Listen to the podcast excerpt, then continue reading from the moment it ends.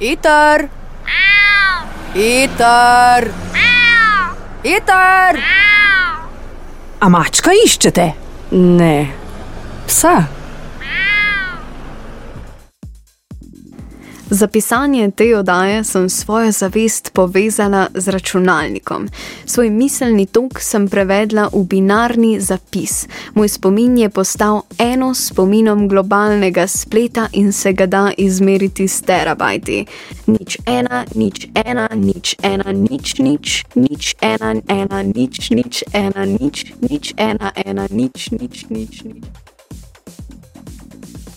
Če bi v brskalniku tipkali transhumanizem, bi naleteli na distopične grafike ljudi z robotskimi udi, v rokah photoshopiranimi čipi in preostalih milijon si drznem reči srhljivih prizorov podobnim tistim znanstveno-fantastičnim filmom, ki zmrazijo do kosti. Zato je morda presenetljivo, da strokovna opredelitev česa takšnega ni tako zastrašujoča. Zagovorniki transhumanizem definirajo ne le kot filozofijo, temveč tudi intelektualno, filozofsko in kulturno gibanje, ki je znotraj skupnosti razvilo lastne raznolike veje in pristope, vendar imenovalo jasne skupne oziroma izhodiščne interese in vrednote. Te še najbolje poudari transhumanistični raziskovalec Anders Sandberg s prepričanjem o prastarem pogonu, da bi se človek rad definiral sam in se oblikoval po lastnih naklonih, neodvisno od bioloških ali fizičnih omejitev. Ta temeljni element človeške narave pa je po mnenju transhumanistov dovolj za legitimizacijo nečesa, čemur pravijo morfološka svoboda, torej svobodne izbire do spreminjanja svojega telesa. Vendar te morfološke svobode ne smemo razumeti preveč splošno, kot preprosto odločitev posameznika za tatu. Tu so transhumanisti zelo jasni, ko svojo filozofijo pojmujejo kot ekstropianistično.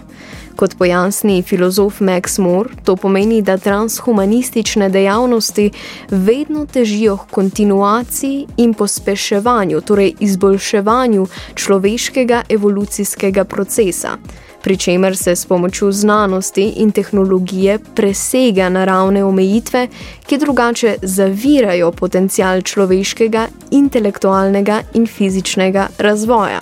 Med drugim na tem temelji tudi genetski inženiring, o čemer nam več pove Kristjan Fortuna, nadobudni študent četrtega letnika medicinske fakultete v Ljubljani in demonstrator pri anatomiji. Odkrili smo kako bakterije lahko izrezujejo viruse, ki so se ugradili v njihovo DNA, um, kako, to, kako jih lepo izrežajo ven in nadomestijo z genom, ki so ga prej imeli. Uh, to, im, to imenujemo v bistvu CRISPR-Cas9 sistem. Um, bil je, bila je tudi podeljena Nobelova nagrada za fiziologijo in medicino Jennifer Dudna iz Berkeleyja, pa Emmanuel Charpentier iz Berlina, iz inštituta Max Planck uh, sta jo dobili.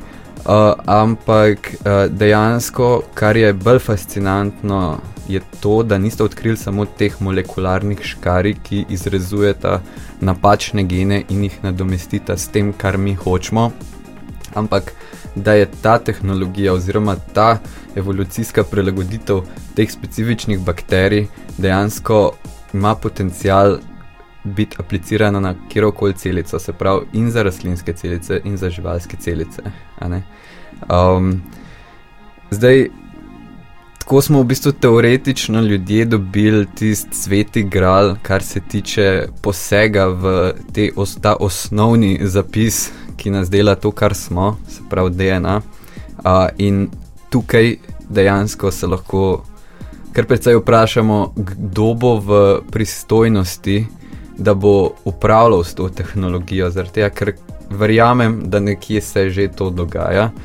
Um, ne vem, kje, ne znam pokazati na zemljevidu, ampak dejansko verjamem, da um, je kdo že uporabil to tehnologijo za namene, ki so mogoče sporni.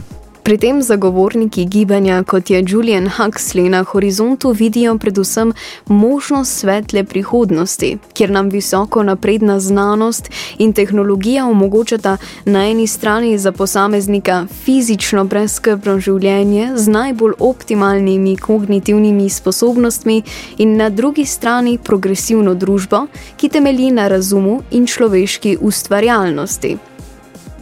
Prej distopično, futuristična misel se s to opredelitvijo spremeni v skoraj utopično, vendar transhumanistično gibanje ni eno izmed najspornejših filozofskih debat za manj, Že če se samo vrnemo k začetni točki o naravni želji človeka po preobražanju jaza, pod katero se podpiše tudi Huxley, ki pravi, da jaz ni konstanta in da naj bi morfološka svoboda morala biti stvar svobodne izbire, se nam utemeljeno poraja dvom. Predvsem tisto veliko filozofsko vprašanje, kaj je dejansko naša svobodna izbira, kaj pa je preprosto družbeno obvezno a zapakirano v lep ovoj iluzije o svobodni volji. Seveda si lahko vzameš premor od življenja zaradi duševne stiske, nihče ti tega ne bo prepovedal, vendar vso srečo potem takem, da v sistemu ne izostaneš in posledično pač izpadeš, izgubiš službo, padeš letnik. Sploh pa povpraševanje za določeno izboljšavo ali obče vrednotenje nečesa kot progresivno in ne regresivno je in vedno bo produkt latentne družbene ideologije. Družbeno mladost pač smatramo kot nekaj vrednega, pač gre za življenjsko obdobje, ko je posameznik najbolj koristen za sistem, ima največ energije in je fizično in intelektualno lahko najproduktivnejši. Zato nas je sram gubic in si barvamo siv narastek. Vemo, da smo v družbi vredni manj, ko jim nismo več koristni. Uh, zdaj, nootropik je recimo, um, je recimo goba. Um, prek destilacije, oziroma prek ekstrakcije in potem destilacije, dobimo ven en, eno snov, um, ki je v bistvu podobna holesterolu in v bistvu ta snov uh, ne bi potem pospeševala um, oziroma promovirala plastično živčevje um, in ne, ravno zato je zelo priljubljena recimo med ljudmi iz Silicijeve doline, ki hoče imeti tisti upper hand uh, pred drugimi uh, start-up podjetji. Um, Zdaj, lahko bi rekel, no, da tudi, recimo, če nek zdrav človek, ki nima neke, neke motne pozornosti, če jemlje recimo Ritalin, um, da je to lahko tudi nootropik in da lahko tudi pa to paše nekako v kategorijo transhumanizma. To, recimo, en, to je recimo en tak tipičen osnoven primer pač transhumanizma, oziroma kako smo ljudje že zdaj nekako obsedeni s to idejo, kako naše možgane, ki so med drugimi no, že evolucijsko prisiljeni biti v to, kar so zdaj, se pravi, nek zelo prefinjen kvantni računalnik, um, da hočemo iti čez to. Če se nepremišljeno vdamo nekaterim družbenim idealom, ki so škodljivi, konec koncev že zaradi neizprostnih zahodnih lepotnih standardov, se vedno več oseb odloča za nevarne in skrajne kozmetične posege oziroma trpijo za raznimi duševnimi boleznimi, potem pa te ideale še podkrepimo s transhumanističnimi dejanji, mar res lahko temu rečemo progresivnost in pot do svetle prihodnosti težavo transhumanizma, ki stremi k izboljšavi človeka, lahko izovemo tudi z vprašanjem, kje pa je meja, da nečemu rečemo izboljšava, torej preprosto nadgrajevanje, ali pa že radikalen poseg v samo jedro človeškosti. Na tej točki tudi za večino skeptikov oziroma kritikov transhumanizma to gibanje začne zveneti kot Black Mirror epizoda. In ne brez razloga.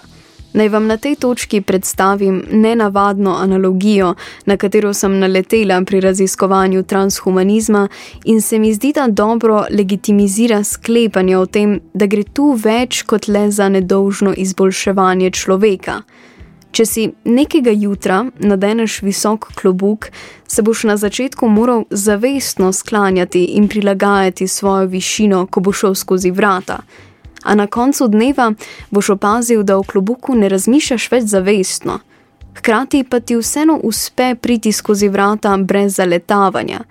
Klobuk si nosil dovolj časa, da si dojemanje svoje višine spremenil skladno z njim. Višina klobuka se je izenačila z višino tebe. Vsaka tehnologija in vsako orodje, ki ga integriramo v svoje vedenje, sčasoma postane nevidno. Najbolj življenski primer tega so naši telefoni. Če dobro pomislimo, med rabo telefona nikoli ne potrebujemo konkretno misliti, to je telefon, je črn, ima razbito steklo. Ne, osredotočamo se zgolj na naloge in funkcije, ki nam jih ponuja naprimer na Duolingu.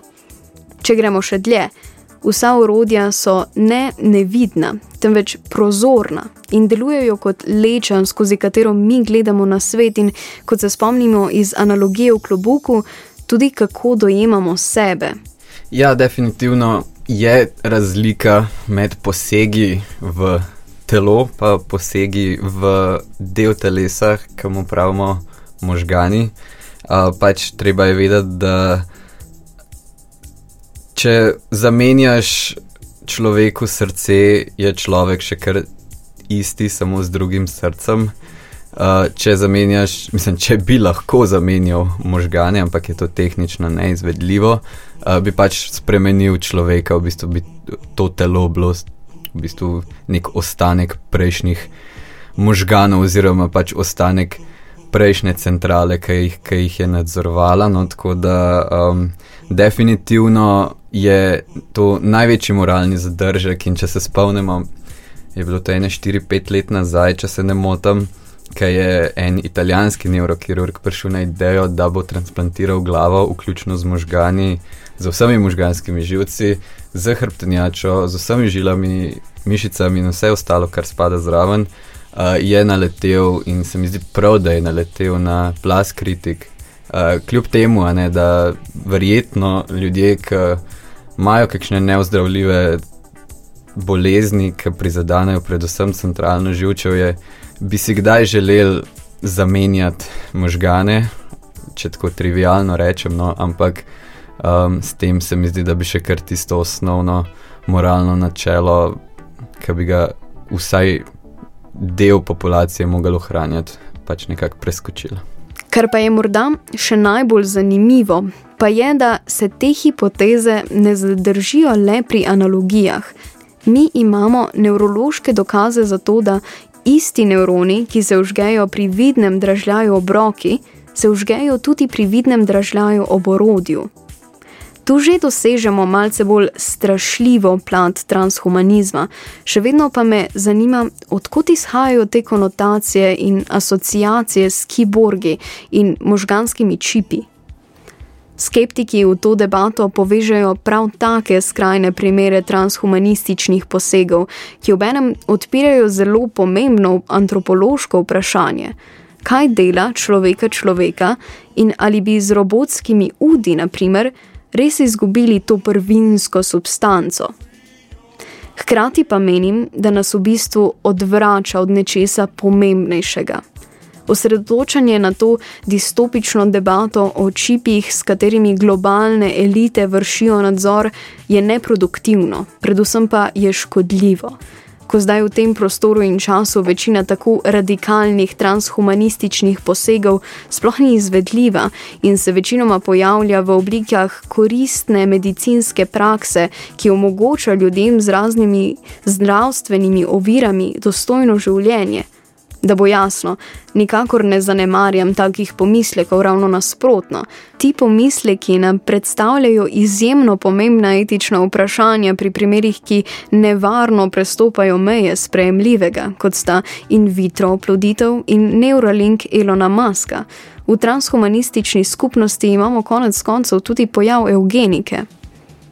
Se mi pa nikakor ne zdi na mestu, da se ta več govor pogosteje premika v smeri hipotetičnega strahu pred usiljevanjem nekakšne kiborg agende, medtem ko že obstoječi koristni transhumanistični posegi v okviru zdravstva niso dostopni vsem, ki bi jih potrebovali.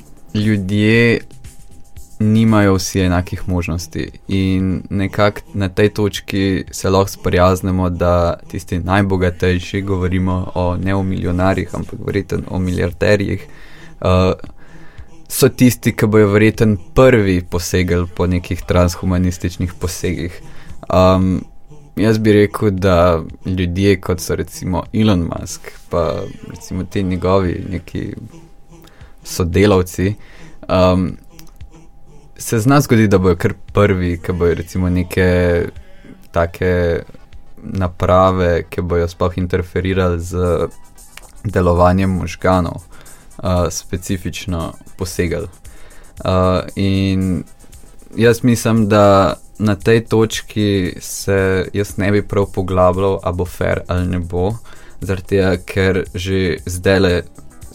Lahko trdim z 100% natančnostjo in prepričanostjo, da ne bo fair in da nikoli ne bo fair in da bojo pač transhumanističnih posegov deležni samo najbogatejši. Kot je rekel Gibson, prihodnost je že tu, le ni enakomerno porazdeljena.